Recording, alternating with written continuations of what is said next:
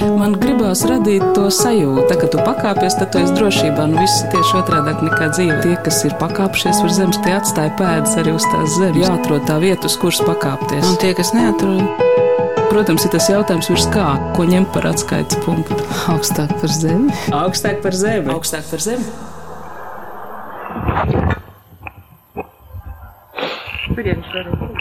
Ausmiņ, jūs jau šeit dzīvojat kādus 20 gadus, cik es saprotu. Vai jums šī ir tāda dzimtas vieta, no tēviem un mātēm mantot, vai jūs esat ieprecēti? Varbūt pastāstiet mums, lūdzu. Nu, Kaunies, ne, nemuļķojies, nu ko es mums. Neviens, ne otrs, ne trešais, nekā. Bet, nu, tomēr, nu, kā jūs šeit gadījāties? Esiet sveicināti! Šis būs stāsts par dzinieku Imantu Ziedoni, aktrisi Ausmu Kantāni un viņu dzirnakmeņiem. Mans vārds ir Anna Buševica, un braucot pa Valmieras šosei neskaitāmas reizes, es jau biju atcījusies, kur tad ir tas Ziedoņu muzejs.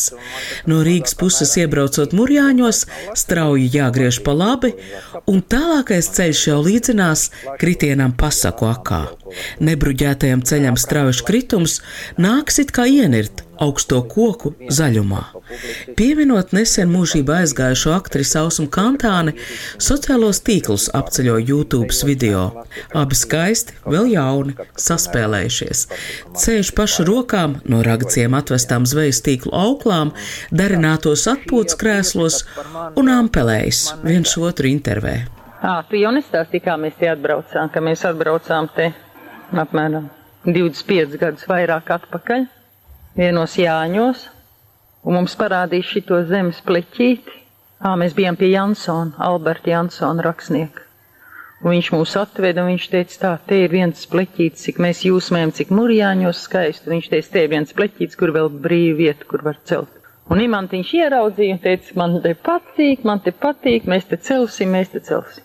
Cik es saprotu, tad jūs sākat krāt naudu un, un lai celt šeit māju. Nauda jau bija sakrāta. Bišķiņ jau bija nauda. Tad jau pa vienu grāmatiņu varēja uzcelt māju. Tagad nevar uzcelt pa vienu grāmatiņu, tagad vienu riteni, ripu mašīnai. Bet tā grāfa par Cik es vienu- saprotu, tad tā māja celt pa ziedoņu naudu. Jā, māja celti pa ziedoņu naudu. Bet tā bija ļoti maz nauda. 68. un 69. gadā bija lielā vētra Salkrasta rajonos te vidzemes jūrmalā. Un te tos koks bija laimīgi, teica katrs, kas izvilks ārā, tas koks nemaksās neko, tikai lai izvelk ārā. Un tad šitie ir tie koki, kurus izvilk ārā. Tikus pie muzeja ceļveža, Burtnīcas muzeja ceļa piezīmes, es noskaidroju, ka neparastā ēka dzirnakmeņos ir tapusi laikā no 1970. līdz 75. gadam, un viss process sīk un smalki dokumentēts arī Aivara Berķa un Imants Ziedoņa grāmatā no Jāņiem līdz Murjāņiem. Bet mana došanās uz dzirnakmeņiem ir bijusi kā Antiņa Jājens stikla kalnā, Tuvoties šai vietai, mēģināja trīs dažādos lokos. Pirmais no tiem - mēdījos redzētie kadri, interneta vide. Vietnē e-dzirnakmeņu muzejs ir izstaigājams virtuāli. Otrais uz dzirnakmeņiem devos šī gada muzeja naktī. Mājā bija iespēja izstaigāt tikai muzeja ārā teritoriju, līdz ar to galveno iespaidu veidoja muzejnieku rosības nesenākais slānis. Jau pēc mājas saimnieka laika būvēts ēkas, muzejnieki radīti vidas objekti, kā budistu lūkšana dzirnas ar Latviju zīmēm vai piramīdas spāru izcelts bišu strops. Trešoreiz dzirnakmeņos ierodos iepriekš piesakoties, un esmu patiešām gaidīta. Caur stikla sienu man ieraugot, Agnēs Petersona nāk pretīm piedāvā tēju, vēl pēc mirkļa ierodas muzeja vadītāja Rūta Šmite, kas šajā amatā ir tikai trīs mēnešus kopš nomainījusi iepriekšējo vadītāju Žanetu Grendi. Viņa ir atvedusi bišu stropu rāmīšas, un man tas mazliet pārsteidz. Kāds rūpējas par bitēm šeit? Mums ir ļoti augsts bitenieks, jā, kurš nāk arī un pieskata. Un, uh, bieži vien arī, ja kaut kas ir, vispār viņas parādās arī kaut kur apkārt darīt. Mēs zvanām un tad runājamies ar viņu, kas un kā. Bet no kurienes tā doma, ka jums vajag bites? Taču ziedoņa laikā nebija šeit bites. Imants Ziedonis gribēja turēt bites. Viņam iekšā iesim mājā, tur ir atsevišķa telpa. Ā, Mēs viņu tagad saucam par meditācijas istabu, bet viņam bija vēlme šo māju taisot turēt bites. Bet Tausma Kantāne paniski baidījās un teica, nē, nē, nē, nē, nekāds brits nebūs. Bet Imantam ir arī ļoti skaists atmiņo stāstījums par to, kā viņš iepazina Dievu caur pļavu, kura pilna sanēja. Brīnišķīgs ieraksts, un vispār var pat arī noklausīties. Es esmu vairāk kārt dzirdējis, ka šie mūrjāņos dzirnakmeņi ir mazliet citādāks muzejs. Un es gribu zināt, kas te šeit ir citādāks. Tad jāsāk ar visu vēsturi no sākuma. Pats dzinieks Imants Ziedonis ir izteicis vēlēšanos, ka viņš vēlas muzeju, un ne tikai izteicis vēlēšanos, bet arī pateicis, kādu viņš viņu redz. Viņš ir uztaisījis veselu vīziju, uztaisījis stratēģiju, kur viņš ir vēl arī pats parakstījis kopā ar fondu Viegli. Fonds Viegli ir nodibināts tieši tāpēc, lai dibinātu Imantam Ziedonim muzeju. Un tas ir tas uh, pats uh, sākums, kāpēc viņš vispār sāk iet tādu iespējams neparastāku ceļu, jo viņš tajā brīdī, kad saka, ka viņš vēlas muzeju, Viņš saka, es gribu muzeju kā mūsu māju, kur cilvēki nāk jaunradīt, viņi iepazīst sevi. Protams, Imantam Ziedonim bija ļoti svarīgs latviskums, un tā ir arī vieta, kur stiprināt mums savu latviešu pašapziņu ka muzejs ir cilvēkiem. Tā viņa vīzija ir tāds mantojums, kas mums ir uzlicis gan privilēģijas, gan arī savu veidu grūtības. Nu, ko tad mēs darīsim ar krājumu? Nu, tā, mums, mēs gribam iet akreditāciju, mums ir jāiet akreditācija. Un tur ir atkal savi krājuma noteikumi. Tad mēs tur uh, metam laipas drusciņi un ievērojam gan vienu, gan otru. Es precizēšu, fonds viegli nodibinājās jau Imants Ziedoņa dzīves laikā no šīm sarunām. Fonds viegli izauga no tādas uh, mazas entuziastu grupas, uh, mazā kavalērija.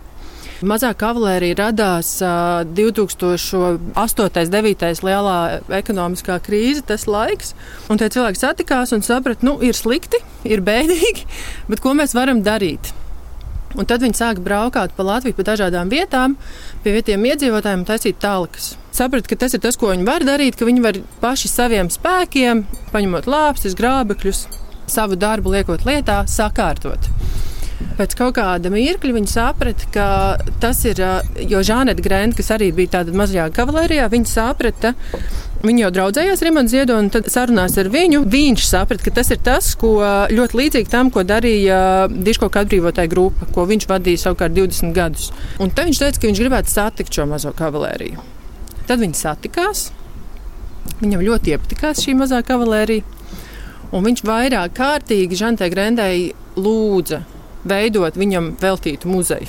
Imants Ziedoņa ausmas kantāns laiks dzirnakmeņos bija no pagājušā gadsimta 70. līdz 90. vidum.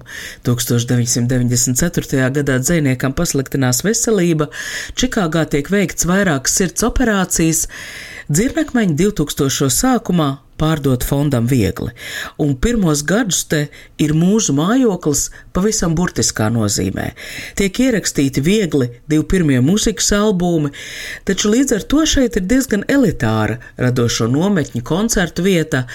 Plašākai sabiedrībai muzejs tiek atvērts jau pēc dzēnieka aiziešanas mūžībā 2015. gada rudenī.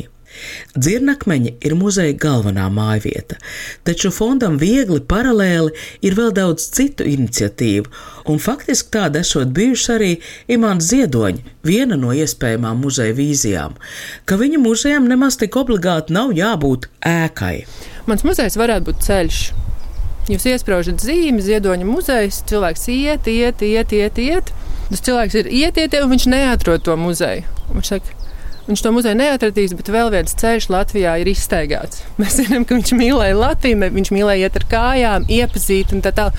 Tas ir tas, kā arī viņš redz šo pasaules vispār iepazīšanu, cilvēkiem miedarbi ar pasauli, procesā, ejot, piedaloties tikai nu, tādā formātā. Un tas ir tas, ka mums ir gan mūrjāņi, mums ir savs birojs Rīgā, un mums ir daudz vēl dažādas vietas, kur mēs esam jau pabijuši pa šiem pieciem, septiņiem gadiem Latvijā, un kur mēs vēl arī visur, kur veidosimies. Mums ir tas pats kultūrālo kartu par lauku skuldīgā, kur mums ir arī jau tāda instalācija galds uh, uzbūvēts, kas principā ir pārvērsies par brīnišķīgu randiņu vietu kuldīgā. Uh, Cita starpā mums ir plāni ar tukumu, ko tur varētu atkal izveidot saistībā ar šo tukuma parku. Un uh, Imants Ziedonis tur ir iestādījis arī šos ķiršus, tā ir viņa skolas vieta. Ragacījums, nu, un tā tālāk, tā tālāk. Tas ir tāds vesels process. Pa šo laiku Ziedoņa muzejā ieradušies apmeklētāji Štērnu ģimene, kā vēlāk iepazīsimies. Ar muzeja vadītāju Rūtu Šmitu mēs sarunājamies nu jau vismaz 20 minūtes, un visu šo laiku ar acu skaktiņu es vēroju, ka atbraukušie nemaz tā nesteidzas uz galveno muzeja ēku. Nu, mums nav gīds muzejā, mums nav tādu tradicionālu, kā ierasti uzskatām tādu ekskursiju. Mēs iedodam uh, būrtnīciņu. Ceļu piezīmes, muzeja ceļu piezīmes. Un viņi ir ar apdomu taisīta, veidota, ka no sākuma cilvēks iepazīst, ja viņš iet kā būrnīcā ir paredzēts. Protams, ka tur reizēm dara visu visādi, bet no sākuma viņš iepazīst teritoriju. Viņš iet klusumšķūnītī, pametē, nofiksējis, atstāja pārējo ikdienu pie malas, saprot, ka klusums ir visa sākums, nulles stāvoklis. Tad viņš jau iet tālāk, jau uz tur pirti vai rekur pie budistu ruļiem, vai tur vēl kaut kas ir klētiņā. Un, vai pat dzirnakmeņiem. Un tad viņš lēnām, lēnām, lēnām vispār saprot, sajūt, iejūtas tajā, nu, kur es esmu, Tas ir nu, Imants Ziedonis pats arī 94. gadā Andra Konste veidoja vairākus tādus video ierakstus. Viņi braukāja pa kurzemi, pa viņu dzimtajām vietām, Rīgā, šeit mūrjāņos, un viņš šeit sēž pagalmiņā un saka, oh, Nu, tad, kad uh, ir pilna galva, tā, nu, es pārfrāzēju, protams, bet to var arī atrast YouTube ļoti vienkārši. Uz mūrjāņiem es braucu, lai nodabūtu nost to Rīgas dunu to pieputējušo visu, tās daudzās domas. Nu, kad tu esi Rīgā, kad tu esi Bursmā un sabiedrībā, un kad tur ir informācija un, un reklāma un, un politika, un kad ir publicitāte, slava un uh, pienākumi, un gods un uzdevumi, un radi un draugi un uh, darbi, un daudz viskā nevajadzīga, nepārtraukti tevī uzblieķējas tāds dūņa, tāda sabiedriskā dūņa, varētu teikt, pa virsmu. Un tad ir jāpanāk tāds klusuma laiks, kad nu, to var saukt par meditāciju, to var saukt par atvaļinājumu, to var saukt par tādu absolūtu atslēgšanās vai klusuma brīdi, tāpēc cilvēki arī nonāk dabā. Un ka viņi nonāk vienatnē, un, un, un to sauc par vienatni. Ja tu pilsētā vari būt viens un atslēgties no viss, tu esi laimīgs. Ja tu nevari, tad tev vajag tādu murjāņu, un tad tu te apsēdies un iztukšojies. Svarīgi vispirms iztukšoties. Tu tā palaidi visu to, atbrīvojies ar vienu, ar vienu vairāk un panāc tukšumu. Tādu nulles stāvokli. Nu, vismaz tūtām.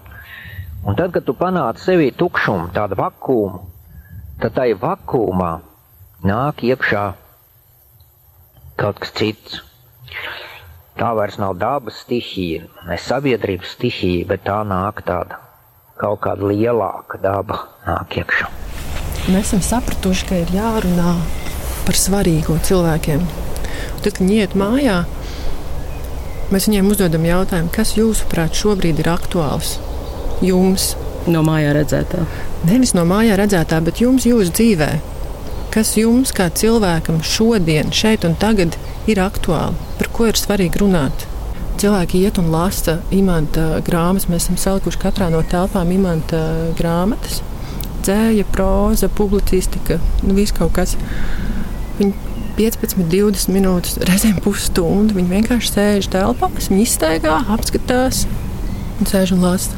Un viņi atnāk atpakaļ ar vienu savu galveno citātu, ko viņi grib. Un, pirms, un ļoti, ļoti bieži es tiešām es nepārspīlēju, pat es biju klātesošs.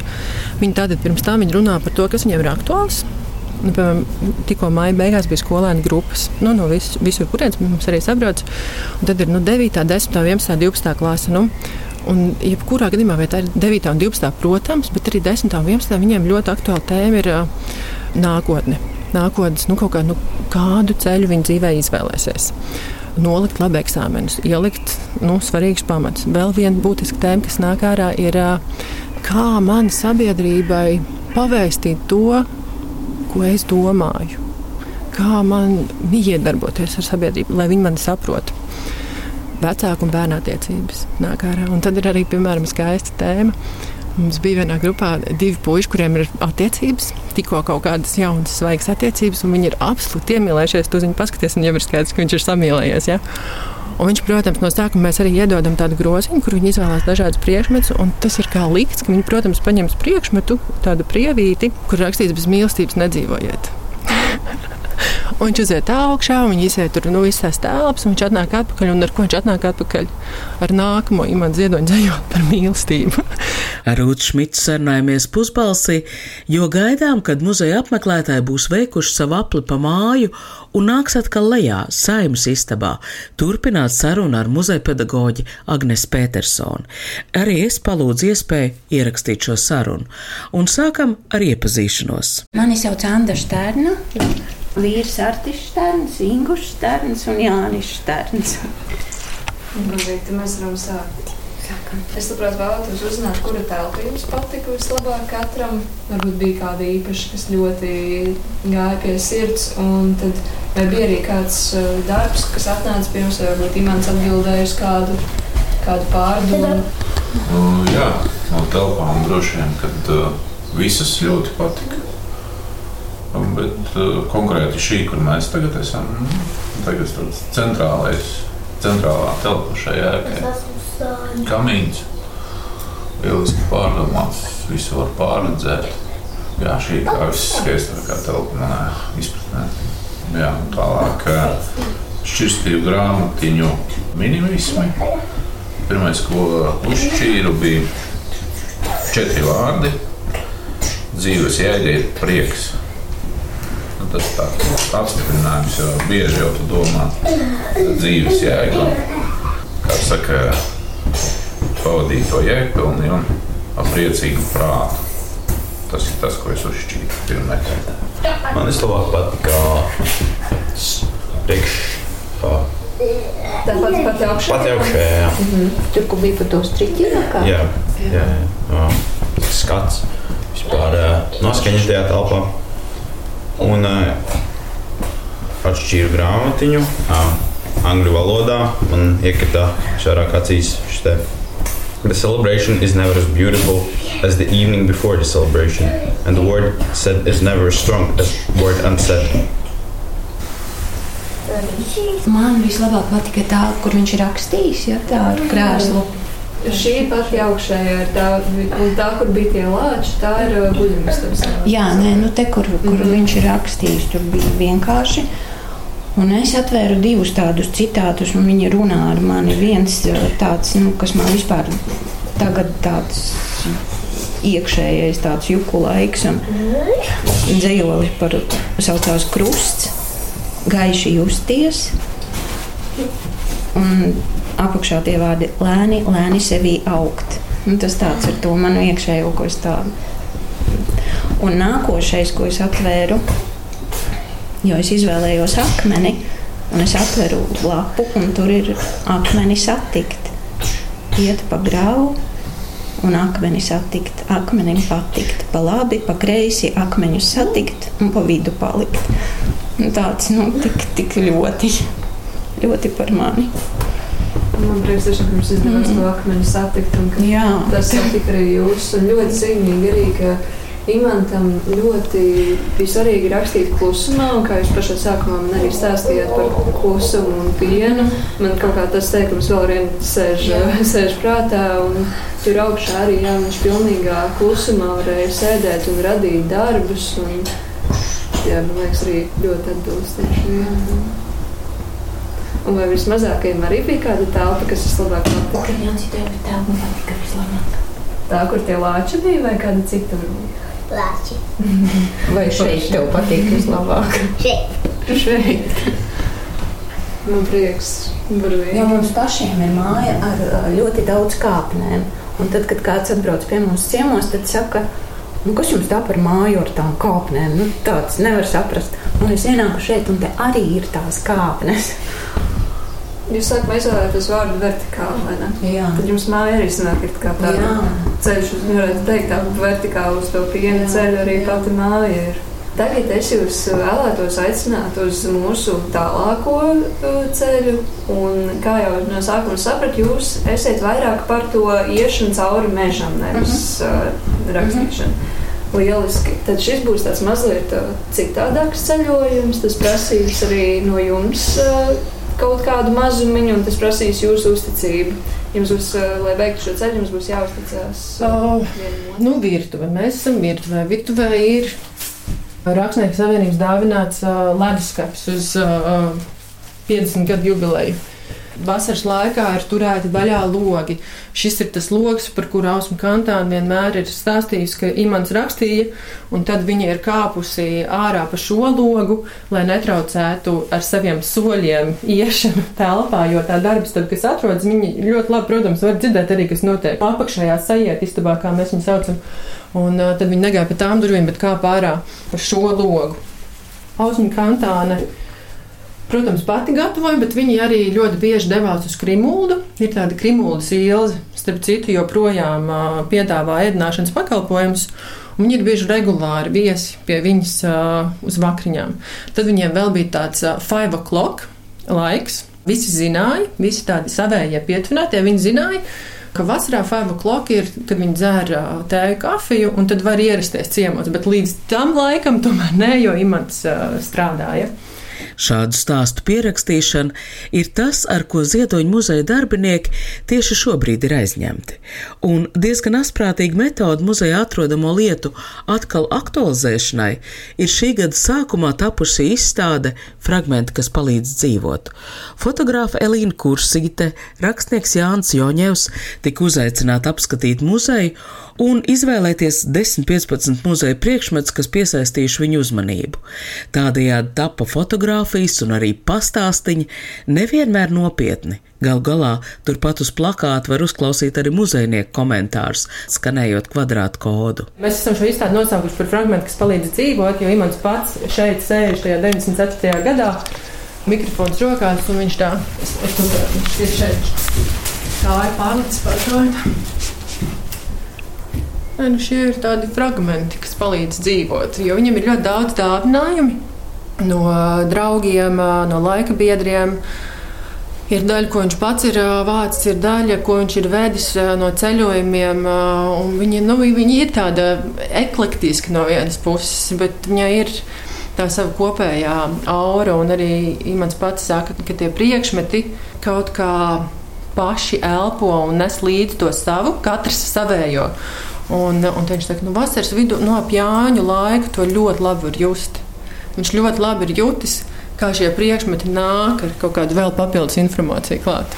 Nu, piemēram, audējas ainas Klenhofs darināta vairāk kā metru plata dižizmēra lielvārds josta.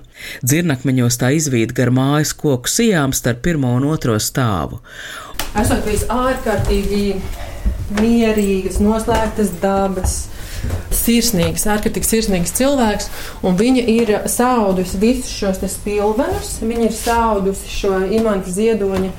Testamentu, kā viņš saka par uh, lupatu deķiem, uh, gobelēnā var saskatīt, kas ir viņa māsas, mātes, apģērba, blūzītes, nu kaut kādi gabali. Un Aina Klēnhofa tātad ir saudus tos, un tad 84. gadā viņa uzdeva šādu milzīgu jostu un nu mēs dodamies ārup, kur pie ēku sienām izvietot izstādēji fragmenti, kas palīdz dzīvot tapušie plakāti, Jānis Jaņevs lielvārds josts foto savīs kopā ar kādā intervijā Imants Ziedoņa pašu pieminēto. Dzirdēju stāstam, ka tagad esot mājā apciemoši. Taču jūs nesat tāds, kurš es viņus labi saprotu. Es arī ar šādu jostas nesētāju negribētu naidā sajiet. Lielvārdi, lieli vārdi, ziedoņa lielie vārdi ir lielāki nekā citu lielie vārdi. Nu, Jaņevs brīnišķīgi ir uzķēris arī šo mājas tādu uh, sajūtu. Ziedoņa muzejā ir priekšmeti, kas saistās ar mājas cēlāju dzīvi, bet ir arī tādi, kas mainījuši nozīmi, pielietojumu, mājai turpinot dzīvot un kalpot jauniem mērķiem. Te ir, piemēram, klusums šķūnīts.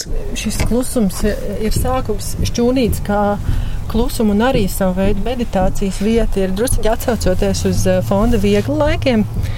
Jo, kad fonds viegli šeit eh, rakstītos uh, albums, savus trīs tad šķūnītis tika iedāvināts Renāram Kauperam, jo viņš mēdza šeit nākt un pameditēt klusumā. Un tas bija tāds zilā zirga, Renāra Kaupera klusuma šķūnītis. Par pirtiņu dzirnakmeņos sapņots jau 90. bet tapus tā jau šajā tūkstošgadē, un spriežot pēc smaržas tiek arī lietota, taču starp pirts reizēm te ir ekspozīcija. Ilgas reiznieces balsī skandēts tautas dziesmas no imāta ziedoņa veidotās tautas dziesmu izlases. Dievs ir gana,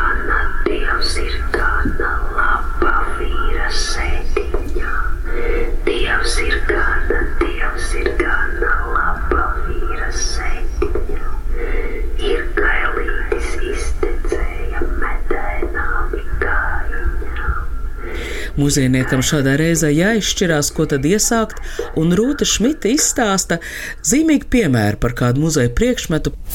Kur viņi tagad ir nolikta tāda plasmasas plasmasas paklāja pletne. Un es aizēju pie ausmas, kas, nu, jau var teikt, man bija dieva dot laime, un es biju cerējis, ka man būs iespēja šādi arī visus nākamos desmit gadus iet. Bet, nu, jau diemžēl vairs nē. Un, un es viņai tagad prasu, nu, šī plētne, nu, sit paklājas, pilventiņš, jo viņi katru vasaru, viņi principā atbrauca šeit, līdz ko beidzās teātris sezona. Nu, tas ir tā pjāņiem. Nu, visu ziemu te ir nostāvējuši, un tad viņi izpurina visus paklājiņus, pilventiņus, segas, vēl kaut ko. Un Āzna kantātā skatās, skatās, bet šī nav mana pletna. un, un es vienkārši tā kā, kā nav jūsu pletne, bet viņi stāv murjāņos. Saka, nē. Tas pilnībā nesaskan ar mūsu vīziju par mūsu vasaras māju. Tur viss ir no koka, tur ir akmens, tur ir metāls, tur viss ir dabīgi materiāli, plasmas. Nē, nē, nē, nē, nē. Nu, visā tajā ausmas kantānā, tajā eksplozīvajā runas manierē. Saku, nē, nē, nē. Un paskatieties, tā krāsa, tik indīga, tik samākslota. Nē, tā nav mūsu plēna. Nu, un ko es secinu? Es secinu, ka loģiski šis muzejs tātad, uh, ir bijis veselu periodu Imants Ziedoņa un Ausmas kantāns vasarnīca, un tad šo vasaras māju nopērk uh, fonds viegli, un tad notiek radošās nometnes 3-4 gadus pēc kārtas. Visticamāk, fonda viegli dalībnieki nevis pasita spilventiņus vienu pret otru, kā to darīja Ausma Kantāna, kad viņi man stāstīja, bet izmantoja pletni. Un viņi tagad stāv un viņi ir krājuma priekšmets. es domāju, ko man tagad darīt? Un tad es sapratu, ka šis arī ir stāsts no muzeja tapšanas. Un fondam viegli, protams, ir būtiska daļa tajā visā, un tā viņš ir izgaismojies. Tagad es tev paintervēšu.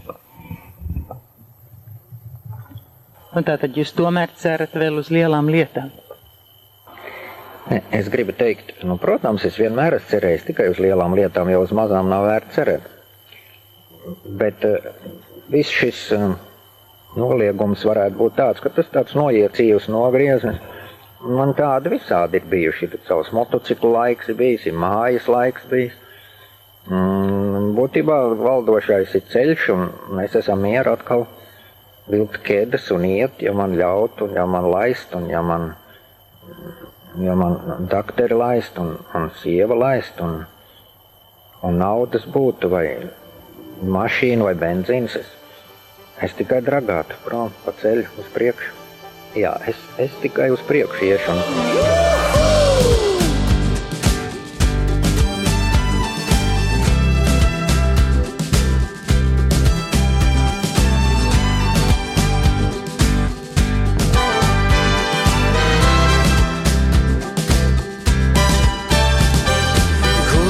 Dievam augstībā un cilvēkiem labs prāts.